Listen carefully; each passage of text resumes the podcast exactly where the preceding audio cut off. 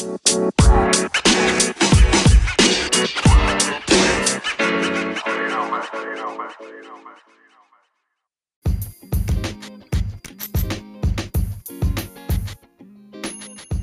kemarin dia kaitannya dengan masalah itu ya filmnya ada kaitan dengan uh, konteks masa kini gitu kehidupan bebas dari remaja is okay. dan itu jadi kontroversial memang film tersebut juga sempat di demo gitu ya. It's okay nah kayak begitu. Jadi ada ada sisi kontroversial dari film itu. Ada nilai kemanfaatan ada novelty yang dicari gitu. uh, jadi untuk kamu sendiri apakah memang kamu cuma ngertinya semiotika ya? Atau memang pengennya cuma neliti film gitu? Itu pertanyaan buat kamu kalau saya semiotika karena saya uh, banyak ngelihat referensi lebih banyak semiotika sih pak gitu. iya seharusnya sih jangan semiotika hmm. lagi gitu. Cari yang lain deh berani untuk keluar dari kotak out of the box. Jadi jangan terus semiotika. Terus kemarin tuh saya berapa orang mahasiswa bimbingan saya juga semiotika juga. Mulai dari si Safa kalau siapa lagi ya? Nanda, uh, Nanda juga semiotika juga. Jangan terus-terusan kayak Iqbal baru kayak, enggak? Iqbal enggak Iqbal itu dia penelitian resepsi, resepsi. makanya jangan terlalu terpaku bahwa penelitian kualitatif itu cuma ada semiotika gitu. Ada banyak yang lain. Kamu bisa pakai misalnya penelitian model penelitian baca ya nanti ya. Misalnya teori resepsi teori penggunaan teori persepsi. Kemudian ada lagi yang kaitan dengan media. Ada lagi misalnya nara, analisa narasi ya pakai teori pakai Todorov itu juga menarik banyak banget gitu loh. Framing is okay saya masih saya masih uh, membuka gitu framing karena framing juga kuat dalam penerjemahan uh, apa satu konteks gitu. konteks masyarakat itu juga kuat ada lagi penelitian realitas konstruksi sosial itu juga kamu harus pelajari juga jadi ada banyak banget nah uh, yang pertama sekarang tugas ya buat kamu ya Ya. Ini pertemuan kita yang pertama, kamu masih ada banyak waktu uh, buat Sheila. Saya uh, gini, saya posisinya adalah saya masih saya menerima kamu, posisinya saya masih men, berusaha untuk mencoba gitu ya, karena saya lihat potensi. Saya tahu kamu soalnya di kelas saya dulu kamu anaknya cerdas. Karena itu saya masih nerima. Tapi pada saat ketika kamu merasa kamu nggak nggak mau nanti hmm. itu semiotika tuh banyak. Ada yang namanya Umberto Eco dan macam-macam. Itu variasi varian-variannya juga banyak. Jadi nggak terpaku semiotika tuh cuma Beers Barthe Beers Barthe atau Saussure nggak gitu juga. Itu yang pertama. Tugas kamu adalah melihat kembali ya catat ya melihat kembali yeah penelitian-penelitian kualitatif yang kira-kira menarik perhatian kamu. Yang kedua, kemudian tema. Tema yang akan kamu pilih itu adalah tema yang punya novelty yang kuat, aktual. Sekarang saya mau tanya sama kamu nih, kira-kira yang sekarang lagi aktual, isu yang sedang dibicarakan apa ya sekarang? Itu apa yang Presiden Prancis. Yes. Ah iya, itu betul. Betul, Presiden Prancis itu dia. Kenapa kamu nggak ngangkat itu? Misalnya kamu bikin framing, penelitian terkait framing terkait dengan isu ketika Presiden Prancis oleh media-media di Indonesia dan di negara-negara Islam dianggap melakukan pelecehan terhadap Islam. Kenapa nggak itu? Kemudian ada lagi isu yang hangat di Amerika sana, yaitu masalah pilpres. Eh, ya kan? Ketika, iya. Trump. Dan di sana kemudian kalau ada yang tertarik dengan medsos nama Indonesia sekarang ke bawah-bawah. Tahu nggak apa? Karena karena iya. ada yang ngedukung Trump gitu nggak sih Pak? Tadi saya bukan, ngeliat TikTok. Bukan. Trump itu Trump itu menolak. Kalau dia kalah dia bilang dia akan menolak kekalahannya gitu. Yeah. dan dia akan dia akan mengajukan tuntutan. Dan kemudian di media sosial itu viral uh, terutama dicetuskan oleh seorang kepala biro dari stasiun TV ABC yang menyatakan bahwa ini kok jadi mirip yang dilakukan oleh Trump itu jadi mirip dengan kasus pemilu eh, kasus pilpres di Indonesia tahun 2019 kemarin kemarin. ketika Prabowo kan menolak kekalahan gitu Iya. itu ke bawah-bawah jadi viral nama Indonesia jadi kesebut-sebut itu juga boleh kalau mau bikin penelitian seperti itu gitu jadi dua hal ya sekali lagi kamu catat yang pertama tugas kamu saya kasih waktu dalam satu minggu kamu harus menyelesaikan sebuah proposal baru kirim ke saya dan sebelum mencapai sebelum kamu sampai ke proposal itu adalah kamu harus meneliti penelitian-penelitian yang terkait dengan kualitatif kamu bisa ketik Google Scholar. Hmm. Yang kedua adalah isunya sangat aktual. Boleh isu yang ada di dalam negeri atau isu di luar negeri. Jadi masih aktual. Cari novelty-nya, cari perbedaan antara penelitian kamu dengan penelitian yang sebelumnya tuh uh, itu apa gitu. Gitu ya. Kira-kira ya. Ya, Ada pertanyaan siap, nggak Sheila? Ya, ada pertanyaan? Ya, kelihatan dari mukanya akhirnya Sheila kayak orang kayak orang resah gitu. Nggak mikir dulu Pak saya. Tapi itu adalah challenge, tantangan. Jadi ketika fair ya, saya kalau memang nggak sanggup gitu ya, karena di antara yang Alfian dan Yakmin sebenarnya yang saya udah mau tolak orang ketiga yang saya tolak itu sebenarnya kamu jujur aja karena saya nggak Mhm. jujur saya nggak tertarik sama penelitian kamu tuh saya nggak tertarik mengenai film cemara tapi kamu juga jangan tersinggung karena Iya. kalau saya ngomong itu memang kalau saya ngomong tuh omelannya anggap aja omelannya orang tua gitu. omelannya papa kamu gitu, gitu ya Iya. oke eh, nggak ada pertanyaan Sheila Eh, nanti deh Pak kalau saya ini lagi aja saya oke PC aja sip. kalau Pak. Eh, oke kemudian kita kedatangan Yasmin Yasmin halo Iya, halo Pak. ya eh, dibuka dibuka cover- eh, dibuka videonya silahkan dikasih lihat wajahnya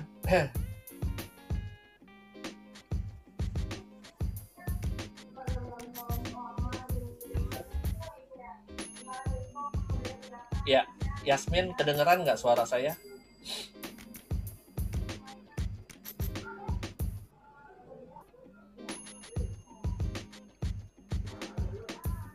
Ini kelihatan nggak?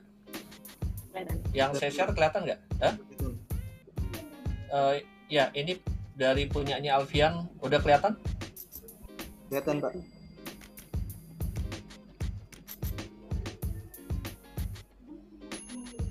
Bentar ya. Oke, eh, ini naskah dari Alfian udah kelihatan ya di sini. Udah. Halo Alfian, kelihatan ya? Eh, Kelihatan. kelihatan ya Alfian ya. Kelihatan kelihatan. Oke, eh, Alfian. Jadi sementara judulnya boleh seperti ini ya. Eh sorry, ini ada yang lagi boleh di eh, mute dulu nggak semua? Biar nggak itu tadi ada suara masuk ini suara ambience Oke, saya lanjut ya. Eh, judulnya is okay. Buat saya sementara ini oke gitu ya. Nanti sambil kita ngelihat perkembangan berikutnya gitu. Perkembangannya nanti gimana nih? Judul ini bisa terus dipakai atau enggak itu tergantung dari perkembangan kalian terjun ke lapangan dan baga- bagaimana kalian mengolahnya. Jadi jangan bingung kalau pada penelitian kualitatif itu nanti ada kemungkinan saya akan me- eh, rombak-rombak lagi gitu. Bahkan sampai ke teorinya itu bisa terjadi perubahan. Jadi ada perbedaan antara kuantitatif dengan kualitatif. Kalau kuantitatif itu 60% eh, bobot itu ada pada proposal gitu. Tapi kalau pada kualitatif sebetulnya bobotnya itu bukan pada proposal. Jadi pada proposal is okay sementara masih yang penting pokoknya udah kelihatan bentuknya. Tapi kemudian yang akan lebih berat adalah ketika di lapangan ya pada kualitatif. Dan apa yang terjadi di lapangan, hasil yang kamu dapat, kemudian bagaimana kamu mengolah itu nanti bisa jadi merubah lagi tema tema besarnya bahkan sampai ke metode metode analisisnya atau teorinya gitu ya. Ada penambahan teori atau pengurangan teori itu tergantung dari apa yang nanti kamu dapatkan di lapangan. Jadi nggak bisa diprediksi. Jadi berbeda sekali karakteristik antara kuantitatif dengan kualitatif. Ini yang terjadi pada Ica dengan penelitiannya mengenai film Dua Garis Biru. Uh, pada akhirnya setelah dia selesai, kemudian saya minta Ica untuk merubah judul. Karena apa? Karena ternyata apa yang dia hasilkan itu ternyata agak sedikit berbeda dengan di awal gitu ya judul di awal itu sebabnya saya minta tolong dimasukkan ini ini ini kemudian ada satu teori juga yang saya minta tolong dikurangi gitu ya karena ternyata dia nggak nggak ada di analisis gitu. oke ya jadi uh, buat Alfian ini judulnya atau temanya udah oke. Okay. cuma tolong typo-nya gitu ya. Kayak misalnya hal-hal yang kecil nih di era ini kan mestinya udah tak udah ngerti. Kata depan ini harusnya dipisah. Dan ini ternyata banyak banget. Di Indonesia di podcast itu kamu sambung semua. Dan itu munculnya banyak banget. Kemudian uh, Alfian halo Pak uh, dicatat ya. Kamu siapkan catatan.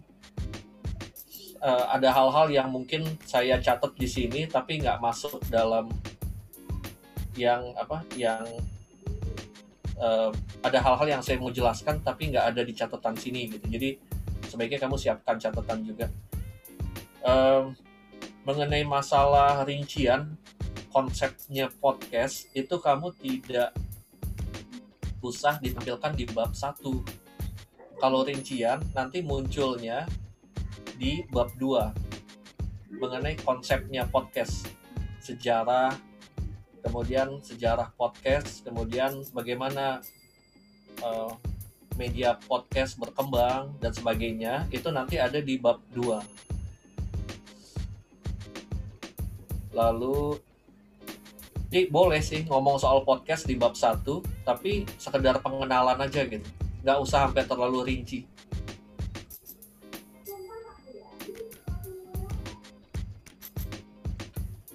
Kemudian uh, ya ini typo lagi ya di Indonesia lah kamu, masukin.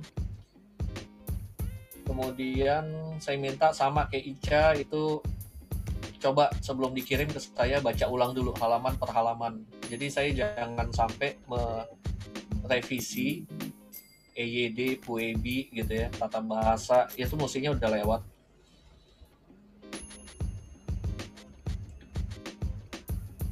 Kalau kata podcast itu P-nya tuh besar. Gitu ya. Jadi P-nya itu jangan kecil karena dia nama.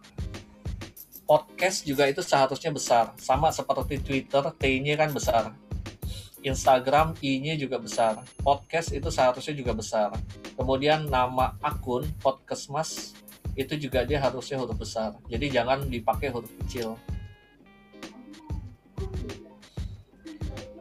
sorry itu suara masuk dari siapa ya? Dari Alfian ya? Dari saya kayaknya Pak.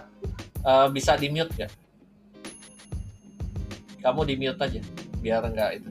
Saya konsentrasi saya juga nggak nggak uh, apa jadi terpecah. Uh, kemudian di sini kamu rujukannya ada dua. Tolong ditambah lagi ya. Rujukannya baru ada dua. Cari lagi ketik aja Google Scholar itu banyak banget penelitian-penelitian terkait dengan podcast. Lalu eh, modelnya nanti kamu harus mengurai satu persatu perbedaannya tuh apa dengan penelitian kamu. Itu ada di dalam diagram ini perbedaan penelitiannya. Nah, nanti kalau yang di bawah itu kamu urai lagi tapi secara keseluruhan novelty kamu dibanding dengan penelitian-penelitian sebelumnya secara keseluruhan tuh apa ini ada di bawah sini yang di bawah bagian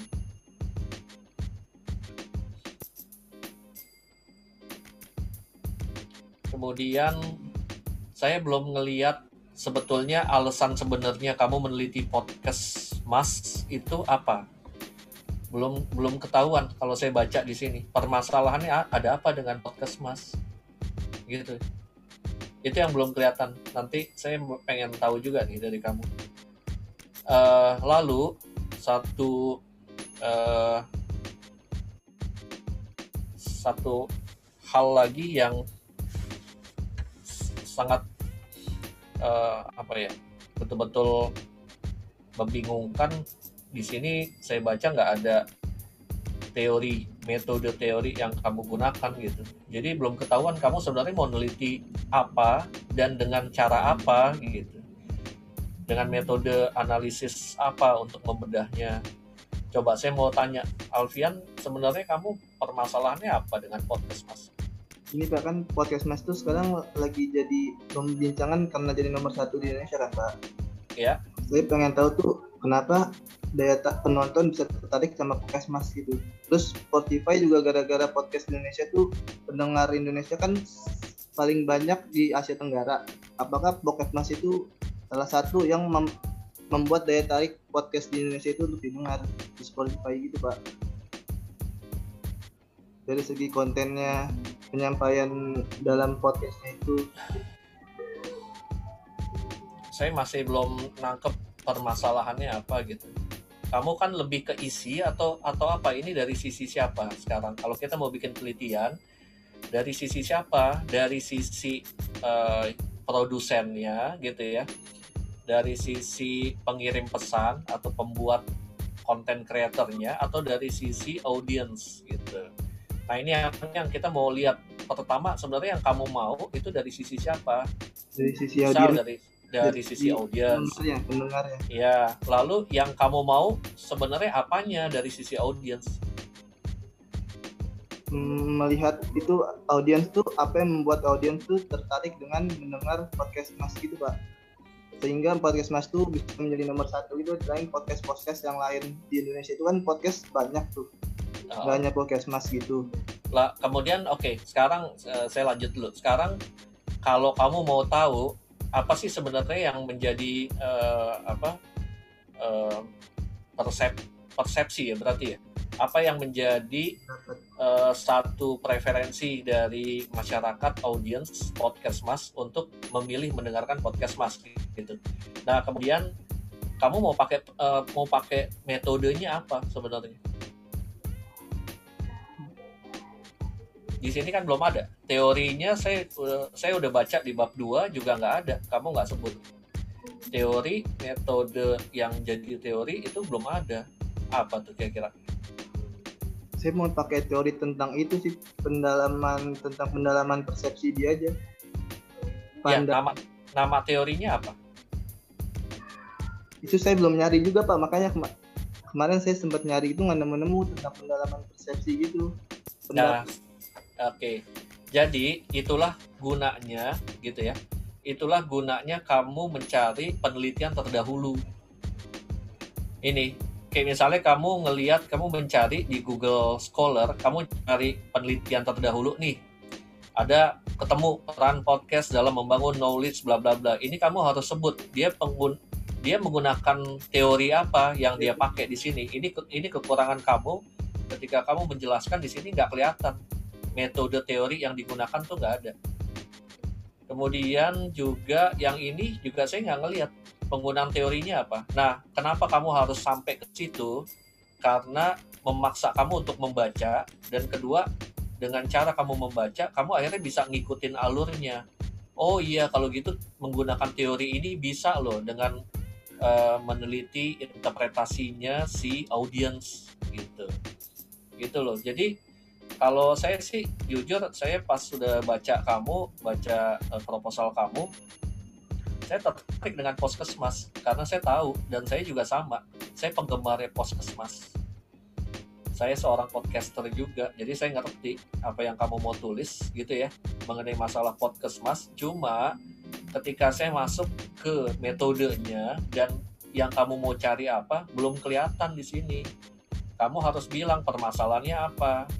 Oh, masalahnya, jadi masalahnya sebenarnya apa sih di konteksnya eh, masyarakat saat ini gitu ya. Misalnya podcast Mas itu kan dia kan empat pemuda gitu dari kalangan kelas menengah yang ngobrol dan kemudian eh, komedi gitu ya. Isu-isu yang diangkat juga isu-isu keseharian. Lalu kira-kira dari situ apa yang kira-kira menarik gitu loh? Yang kamu kalau mau teliti lebih dalam itu apa? Jadi jangan cuma sekedar ujungnya adalah hanya sekedar oh masyarakat eh, seneng begini begini begini gitu ya karena ini ini. Jatuhnya kalau cuma sekedar itu sih jatuhnya nanti cuma penelitian kuantitatif.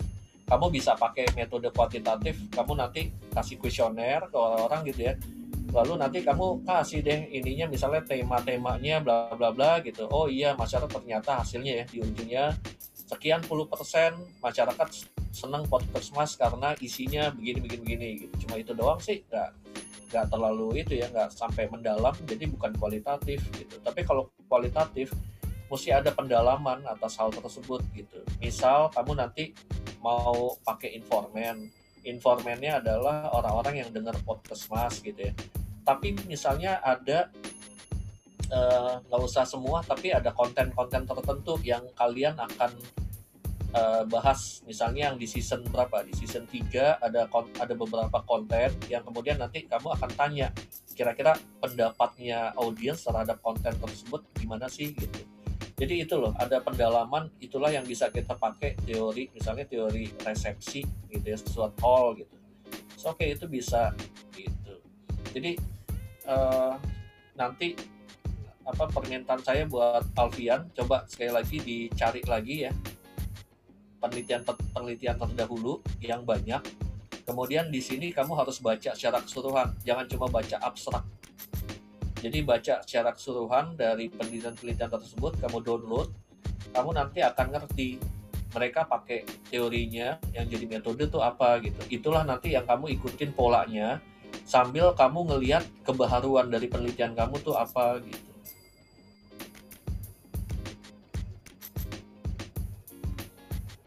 Uh, untuk bab 2, bab 2 itu dimulainya dengan teori, bukan dengan konsep gitu ya.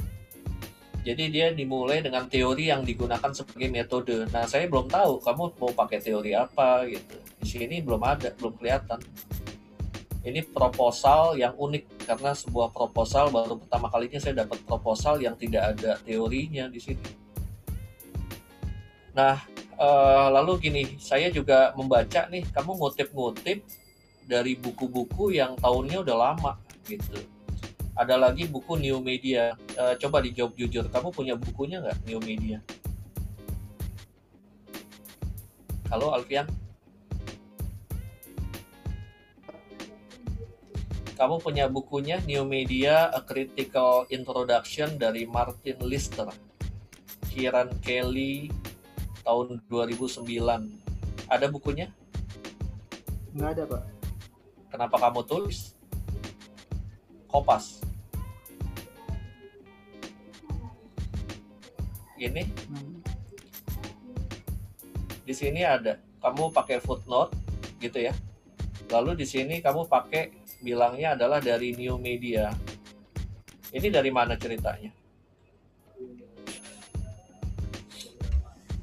Dari skripsi itu sih skripsi nyari-nyari iya nggak boleh jadi eh, nggak uh, bisa nggak bisa caranya kamu mau ngambil teori dari hasil skripsi gitu ya skripsi orang kemudian kamu caplok teori yang di yang dibikin gitu itu nggak bisa. Berarti kamu harus punya bukunya gitu ya. Atau kalau oh ini berdasar itu ini mengenai sejarah ya. Kalau teori itu udah pasti nggak boleh. Tapi kalau kamu mau ngambil misalnya ngutip dari ngutip mengenai sejarah gitu ya ada di sebuah jurnal. Ngutip uh, jurnal tersebut mengutip dari Martin Lister. Nah kamu cara penulisannya bukan kayak begini gitu. Jadi misalnya Martin Lister dan kawan-kawan New Media bla bla bla seperti dikutip oleh bla bla bla gitu. Jadi itu harus ada ngutipnya dari mana? Dari jurnal atau dari buku yang uh, bahasa Indonesia gitu ya. Iya. kalau kayak begini kamu seolah-olah kamu punya bukunya gitu. Bukan cuma satu tapi bahkan saya juga dapat uh, penulisan-penulisan yang kayak kopas. Nih contohnya kayak begini. Lihat lirik pakai tanda seru podcast kemudian tulisannya gini. Kami menyediakan ribuan podcast yang bisa kamu dengarkan. Kok pakai kami berarti kamu kopas dari sebuah website kemudian kamu plug kamu turunin gitu. Nggak boleh begitu. Jadi harus kamu membahasakan kembali kamu nulis ulang kembali parafrase gitu istilahnya merephrase menulis ulang dengan kata-kata kamu sendiri. Karena kalau kayak gini jatuhnya jadi kompas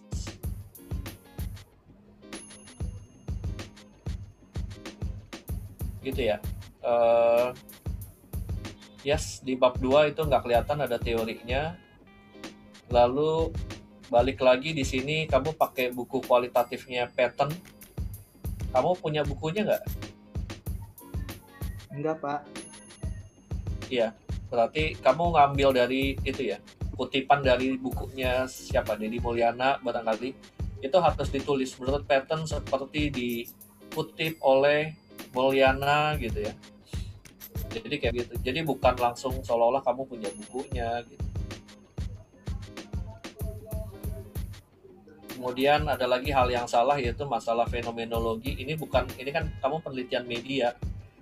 Media content analysis tapi yang kualitatif. Jadi penelitiannya masih dalam ranah media media analysis. Apa lagi ya? Ya typo banyak ini buat dapusnya belum kamu kirim ya? Belum. Mas sampai di sini. Oke sampai di situ ada pertanyaan?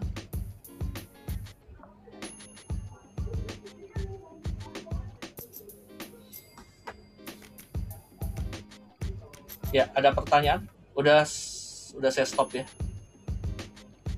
Ya. Oke ada pertanyaan dari Alfian? Gak ada Jadi, pak saya udah jelas diterangin bapak tadi Alhamdulillah. Alhamdulillah. Sip. Oke. Jadi, Baik. pak misalnya saya pakai teori kan saya baca nih Eh. di orang Aja juga. enggak saya cuma mau nanya teori kalau misalnya kan tadi saya bilang kalau ngebahas tentang medianya itu juga bisa karena kayak pakai teori use di apa gitu yang ngebahas bahwa media ini memberikan informasi lalu terha- memberikan aduh lupa tadi saya habis baca teorinya. Apa? Uses and gratification. iya. Itu bisa Uses nggak and Ke- uses and gratification itu pakai itu kuantitatif kuesioner. Hmm, merombak total merombak total itu kamu. Uses uses and gratification itu kan bagaimana si audience hmm, me, me- apa punya kuasa untuk menyeleksi gitu ya mengu, me- menga- apa apa konten yang dia mau ambil itu dia punya kuasa di situ uses and gratification. Jadi itu adalah penelitian kuantitatif. It's okay kalau mau pakai itu gitu cuma ngerombak semua gitu. Dan itu bukan penelitian yang menarik sebenarnya uses and gratification. Mending kamu imsar aja sana. Imsar kan jagonya kuanti gitu tapi kayak kayak begitu nggak ada kalau buat saya nggak nggak terlalu menantang gitu. Tapi kalau lebih menantang itu ya buat penelitian-penelitian yang ada kedalamannya sebenarnya. Kalau saya sih lebih menikmati penelitian kualitatif karena dia lebih ke lebih kepada kedalaman. Gitu kira-kira Alfian ya? Iya pak. Oke kemudian kita beralih ke Yasmin. Halo Yasmin. Kedengeran nggak suara? Iya Pak. kedengeran ya? Kedengeran, Yasmin? Oke. Yasmin uh, next time kalau kita bikin uh, satu zoom tolong tepat waktu gitu ya. Kenapa nih? Kok bisa sampai terlambat dulu? Lagi pacaran atau kenapa? Lagi hari Jumat gini? Oh, atau sholat Jumat? Lagi ada urusan di rumah. lagi ada apa? Ada urusan di rumah. ya ada urusan. Jadi begini ya uh, saya kasih kesempatan uh, untuk selanjutnya kepada Yasmin saya jujur saya udah menolak. Kamu terlambat ya. Kamu terlambat dan saya sebetulnya nggak suka harus mengulang-ulang kembali apa yang saya katakan. Sebelum kamu masuk saya udah katakan beberapa hal yang menjadi aturan untuk perkuliahan bimbingan skripsi kita. Dan sekarang ada kamu saya harus mengulang kembali. Dan ini satu hal yang sebenarnya saya nggak suka. Gitu gitu ya Yasmin ya jadi next time kamu eh, saya masih kasih kesempatan kepada kamu kalau kita, saya bilang jam 2 kita tetap jam 2 kalau kamu nggak suka kamu bisa minta untuk ganti eh, pembimbing. Jadi ada satu aturan dengan saya yaitu tepat waktu. Saya juga sama saya berusaha untuk tepat waktu. Kalau terlambat gara-gara sinyal is okay. Terlambat terlambat 15 menit dan sebagainya. Tapi kalau sampai kelamaan karena kan kita uh, saya juga waktu saya juga lagi hektik saya nggak bisa lama-lama gitu. Uh, saya but saya harus cepat gitu. Jadi kalau saya harus ngulang lagi apa yang udah saya bilang tadi aturan-aturannya dan segala macam itu saya jadi harus uh, makan waktu lagi. Yasmin udah uh, siap dengan catatan? Oh iya Pak, udah. udah siap dengan catatan pulpennya Oke, Yasmin, kita punya kontrak perkuliahan karena kamu yang pertama pertemuan pertama untuk Zoom ini. Uh, tapi sebelumnya kamu pernah di kelas saya kan ya?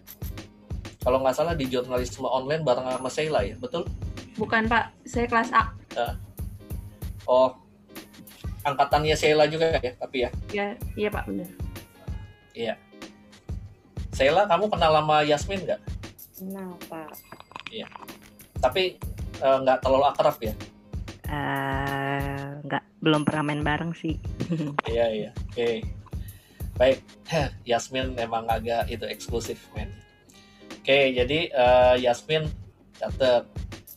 Yang pertama, tolong kalau kita lagi Zoom harinya gitu ya, kamu harus datang tepat waktu masuk ke Zoom-nya. Kalau memang nggak bisa, itu harus kasih tahu ke saya gitu.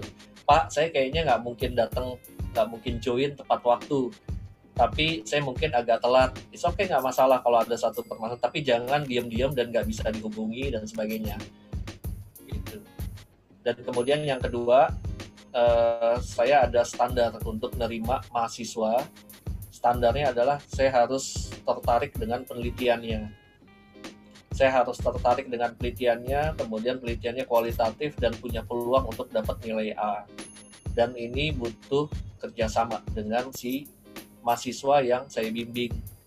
Jadi kalau si mahasiswanya juga nggak bisa diajak kerjasama, seperti kamu tadi udah datangnya telat, diminta untuk buka kameranya juga nggak mau buka, gitu ya, dengan segala macam alasan, ya berarti kita mungkin nggak berjodoh gitu. Jadi saya persilahkan juga buat Yasmin kalau memang nggak suka dibimbing sama saya, mending kasih tahu nggak ada dendam di antara kita gitu ya. Kasih tahu ke saya uh, jadi bisa nanti saya over dengan pembimbing yang lain. Karena kalau dibimbing sama saya itu nanti agak berat juga. Karena saya orangnya agak rewel tuh bisa ditanya ke Ica gitu ya Ica ya. Oke, kemudian kalau saya omel-ngomelin, jangan terlalu cepat tersinggung, gitu ya. Itu syarat lainnya, karena saya akan sering ngomel. Tadi ya? lagi banyak orang keluar di rumah. Iya, uh, kan kamu anak komunikasi bukan? Kamu dari ilmu komunikasi kan? Iya. Kalau di ilmu komunikasi segala sesuatu itu bisa diomongin. Yang penting ada omongannya. Pak, sorry saya nggak bisa nggak bisa buka uh, kameranya karena bla bla bla gitu. Tapi nggak berarti diem gitu ya. Kemudian saya tanya, saya ngomong, kemudian diem aja nggak begitu juga caranya gitu. Gitu ya Yasmin ya. Nah untuk Yasmin jadi yang kedua tadi saya minta apa tuh? Jadi lupa. Jadi uh, untuk mahasiswa yang tidak mau lanjut di bimbingan saya nggak masalah nanti chat aja gitu ya. Pak saya pengen boleh nggak saya pindah? Oh nggak masalah juga. Nggak ada dendam atau sayanya nggak mau gitu. Saya yang kemudian nanti memutuskan untuk tidak lanjut dengan salah satu mahasiswa yang saya anggap nggak nggak capable untuk saya bimbing. Karena standar saya adalah yang saya bimbing itu harus mendapat nilai A paling kecil A minus. Dan saya komitmen untuk semua bimbingan saya mendapat nilai A. Udah tiga orang yang dapat nilai A. Ini yang keempat salah yang keempat adalah Ica. Ica nanti dapatnya harus A plus Ica ya Ica langsung ngeliatin bengong. Oke kemudian apa lagi ya? Uh, buat Yasmin sebentar ya saya buka dulu nih. Oh ini ya.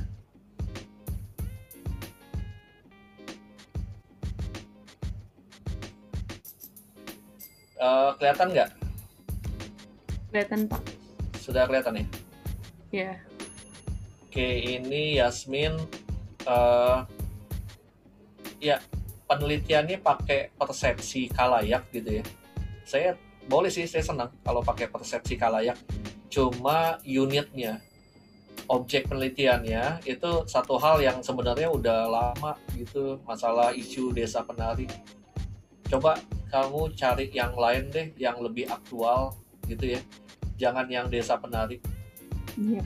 karena penelitian yang terkait dengan desa penari itu juga udah banyak gitu. Kalau dalam kalau ke dalamnya ini sampai ke bawahnya sih saya ngelihat ini udah malah kamu udah sampai ke halaman 52 segala ya. Makanya ini panjang amat gitu. Padahal sebenarnya yang namanya proposal sih ya nggak usah sampai 52 halaman.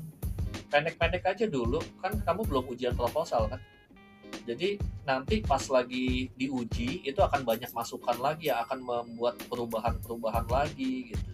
Ngapain kamu sampai panjang-panjang 52 halaman gitu. Nah eh, kalau kamu mau tetap di apa namanya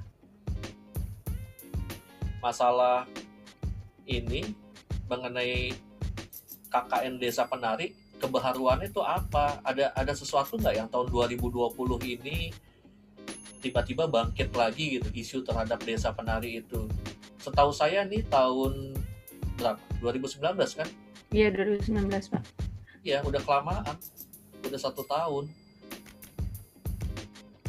Coba yang yang sekarang yang baru apa? Tema-tema yang baru yang aktual gitu yang sekarang lagi dibicarakan masyarakat. Seperti tadi ya Sheila bilang di Indonesia kan lagi ada masalah Presiden Prancis yang dianggap menghujat Islam kemudian banyak seruan untuk memboikot barang-barang produk Prancis di Indonesia yang itu kan bisa gitu loh ada tuh threadnya di Instagram di, di Twitter itu juga panjang gitu. apalagi ya kasusnya Donald Trump itu juga ternyata bawa-bawa nama Indonesia juga karena Donald Trump mengancam akan me, uh, akan menolak untuk mengakui hasil kalau dia ternyata kalah gitu ya. Itu di media sosial dibilang katanya mirip seperti di Indonesia. Jadi itu juga jadi thread juga. Lalu uh, siapa lagi Habib Rizik yang katanya akan pulang ke Indonesia kemudian ada lagi masalah kasus yang kemarin sekarang jadi perbincangan lagi yaitu kasus ketika Mata Najwa membuat konten uh, mengenai pembakar Sarinah. Dan uh, konten tersebut ya udah nonton barangkali ya teman-teman ya? Video mengenai pembakar Sarinah.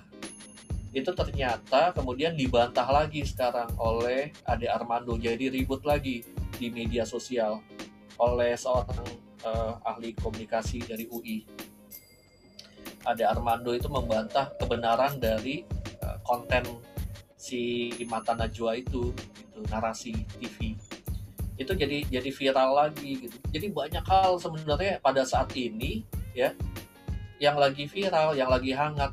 Ngapain lagi kamu neliti mengenai KKN Desa Penari? Gitu. Kalau mengenai metodenya, persepsinya saya udah senang. Kemudian juga kenapa saya bersedia untuk menerima kamu? Karena saya udah baca ke bawah gitu ya. Saya nggak tahu apakah kamu ini bikin sendiri atau kopas-kopas, tapi saya baca sekilas ini membuktikan bahwa kamu udah paham dengan alur cara berpikir penelitian uh, teori persepsi gitu makanya kamu saya, saya terima oke okay. cuma unitnya nih jangan unit penelitiannya objek penelitiannya ya jangan ini juga paham ya? Paham pak paham. Oke. Okay. ya. Hmm, uh, oke okay, uh, eh, silakan. Mau Yasmin ada pertanyaan? Berarti nanti saya tinggal, eh saya ganti judul ya Pak. Eh bukan judul, objek penelitiannya saya ganti. Iya, jadi uh, tugas buat Yasmin, nanti kamu sama ya seperti Sheila dan Alfian membuka lagi Google Scholar, ya cari penelitian-penelitian sebelumnya terkait persepsi. Kemudian juga kamu lihat di media sosial, kalau memang mau ke media sosial, Twitter, Instagram, dan sebagainya, kamu lihat yang isu yang lagi hangat tuh apa gitu. Yang lagi ngetrend tuh apa. mau yang terkait di Indonesia atau terkait di luar negeri gitu. jadi eh, yang saya tuntut dari kalian itu it- apa eh, novelty kebaharuannya apa? Saya sih nggak berharap di S1 ini kamu bisa menemukan kebaharuan dalam hal konsep. Kayak saya sekarang babak belur juga S3 saya harus menemukan konsep. Konsep baru dari teori yang saya pakai gitu ya. Dan itu berat banget. Eh, kalau untuk S1 nggak perlu sampai kebaharuan dari hal konsep tapi ada kebaharuan dalam hal fenomenanya gitu. Ada satu fenomena yang baru yang bisa jadi bahan rujukan jadi bahan pelajaran gitu ya dan bisa lebih dipahami oleh masyarakat. Itu jadi jangan pakai yang kayak si Sheila tadi eh, cemara lah eh, Yasmin masalah itu gitu. Cari coba yang baru aja gitu. Gitu ya. Kalau Alfian sih temanya saya sih udah oke tadi. Cuma itu aja ya Alfian ya. Teorinya yang kamu mau pakai apa gitu tadi mengenai apa eh, Alfian itunya? Mas. Kenapa? Mengenai podcast Mas. podcast mas oke. Itu karena memang memang podcast mas dia eh, apa di top chart gitu. Saya tahu itu top chart. Banyak banyak menjadi bahan pembicaraan. Cuma apanya gitu? Yang kamu mau cari lebih diperdalam lagi dan teorinya. Dan untuk kamu sampai ke kamu mau pakai teori yang, yang mana gitu? Saya nggak akan memaksakan kamu pakai ini aja nih pakai teori resepsinya Stuart Hall gitu ya. Saya nggak akan memaksakan itu. Jadi itu dikembalikan kepada si mahasiswa nyari sendiri. Kamu harus nyari sendiri. Gitu. Kualitatif tuh banyak banget ya sebenarnya uh, metode yang bisa kita pakai. Jadi jangan cuma sekedar semiotika jangan cuma sekedar teori apa gitu resepsi dan sebagainya. Itu banyak banget yang bisa digali gitu dan caranya ya salah satunya adalah dengan cara mempelajari penelitian-penelitian sebelumnya yang sejenis gitu. Oke, eh, silakan kita sekarang ngobrol-ngobrol. Ada pertanyaan? Pak, Silakan, saya mau Tati. nanya. Ya, saya lah. Ya, Ki- eh, kita tuh boleh nggak sih, misalkan saya mau bahas film, misalnya mau bahas film nih Pak, tapi filmnya mungkin kayak bertemakan entah kekerasan seksual atau pedofi pedofilia gitu tuh boleh nggak sih Pak? boleh banget, boleh banget. Boleh. Ini asik. Syaratnya, syaratnya satu ya. Syaratnya Iya. film itu jangan film lama. Film Film 2020. itu harus film, ya filmnya itu baru. Kamu lihat aja di bioskop online itu, Hmm, Netflix dan sebagainya kan kita udah nggak bisa ke 21. Iya. lihat aja yang di situ kamu bisa dapetin apa misalnya eh, apa yang bisa kamu nanti screenshot dan sebagainya gitu ya nah itu bisa kamu pelajari kalau memang kamu pengennya tetap di film ya itu aja gitu. Bisa pakai hmm, bisa pakai apa namanya penelitian semiotika. Semiotika juga jangan kalau bisa ya saya nggak saya nggak mau maksa juga.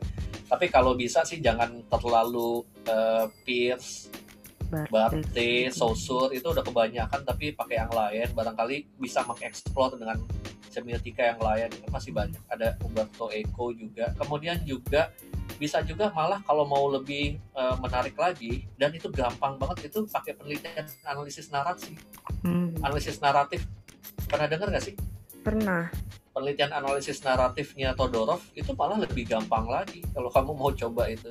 Dia cuma ngelihat peran yang misalnya hmm, eh, dari film tersebut dia mendudukkan peran dari si pelaku ini sebagai apa gitu. Kayak begitu. Cuma Hmm. gitu bang gitu.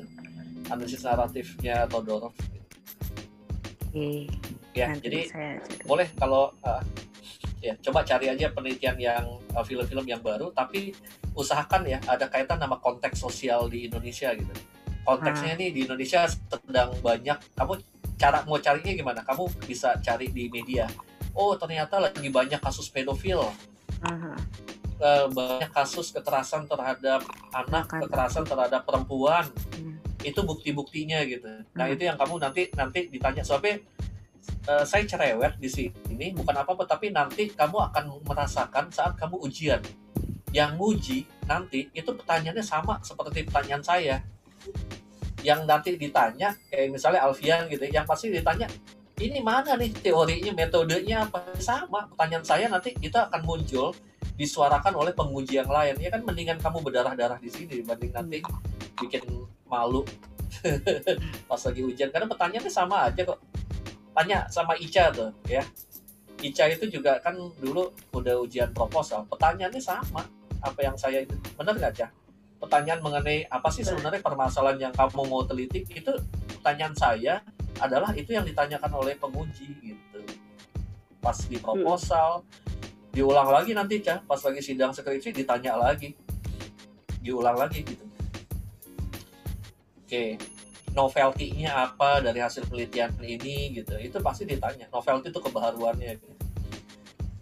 yes oke okay, apalagi ada lagi pertanyaan kalau enggak ya udah kita selesai sampai di sini Kalau ngebahas yang apa sih yang film-film dari handphone gitu pak? Med apa platformnya maksudnya ya Netflix medianya? Net, iya Netflix. Netflix gitu-gitu. iya kan tadi udah saya bilang Netflix. kan kita kita kan nggak bisa nggak bisa ke 21 jadi pakai yang bioskop online aja. Iya itu. salah satunya ya Netflix kemudian apalagi sih yang lain Bioskop online. Bioskop online ya. iya pakai yang itu aja gampang. Nah ya Gitu cari film-film yang baru. Boleh tapi filmnya tuh yang ada konteks dengan masyarakat sekarang gitu. Ada konteksnya gitu. Permasalahan masyarakat sekarang tuh apa nih? Yang lagi lagi jadi isu berat gitu carilah film itu. Karena film pada dasarnya dia adalah refleksi dari permasalahan yang ada di masyarakat gitu ya, konteks sosial masyarakat. Oke. Yasmin bingung. Revisi dan hasilnya lumayan. Udah merevisi dengan ba- dengan baik. Ya itu ya. Jadi Iya takutnya gitu sih pak. ya bagian dari perjuangan lah kan mendingan nangis sekarang kan saya yang galakin gitu. Gitu jadi jadi gitu ya teman-teman kalau Iya Kalau saya- saya takut dua-dua. kalau saya ngomel tuh jangan jangan dianggap itu jangan jadi sakit hati. Karena ngomel itu ya demi kalian juga. Sama aja kok nanti ya kalau saya cerewet kok kenapa nggak begini kok? Kayak misalnya saya cerewet sama Sheila itu pertanyaan saya kan Sheila kok kamu ngangkat filmnya film yang ini itu juga yang nanti akan ditanyakan Sheila di ujian Iya. proposal itu yang akan ditanyakan ini kok film tahun 2019 ada film 2018 Tadinya- Alfian juga nanti pasti akan ditanya Ya. Iya tadinya mau NKCTHI tapi waktu itu belum ada online gitu pak. ya hindari cari aman boleh sih kita penelitian yang kita penelitian yang kita suka gitu ya.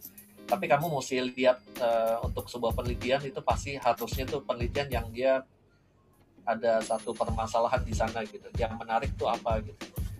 Jadi Oke. jadi jangan cuma sekedar mau cari lulus aja gitu. Kalau sama saya nggak akan semudah itu gitu ya. Iya, Siap. tapi nilainya ya mudah-mudahan bagus. Ya gitu ya Yasmin ya. Yasmin mukanya langsung ya Yasmin mukanya langsung cemberut. Eh, kelihatan kayaknya berat banget hidup ya Yasmin ya.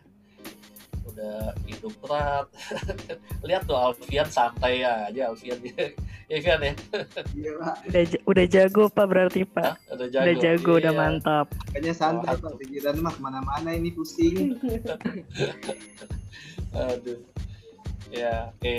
Jadi eh, konsen lah sampai hmm, sebulan ini jangan pacaran-pacaran dulu lagi masa pandemi. Ya Yasmin ya pacarnya di Oh saya pak. Ya, jadi bilang sama pacarnya, eh saya, eh apa, Beb, saya Beb. mau, Sayang. Beb ya, Beb, saya mau konsen dulu, Beb, sama eh, skripsi. Jadi saya nggak bisa pacaran dulu nih malam minggu lagi masa pandemi. Gitu, Alfian juga jangan suka main itulah, apa, PUBG. PUBG gitu. Game-game gitu lupain dulu ya, ketahuan mukanya muka-muka game online itu kelihatan. Baiklah teman-teman semua uh, sampai di sini.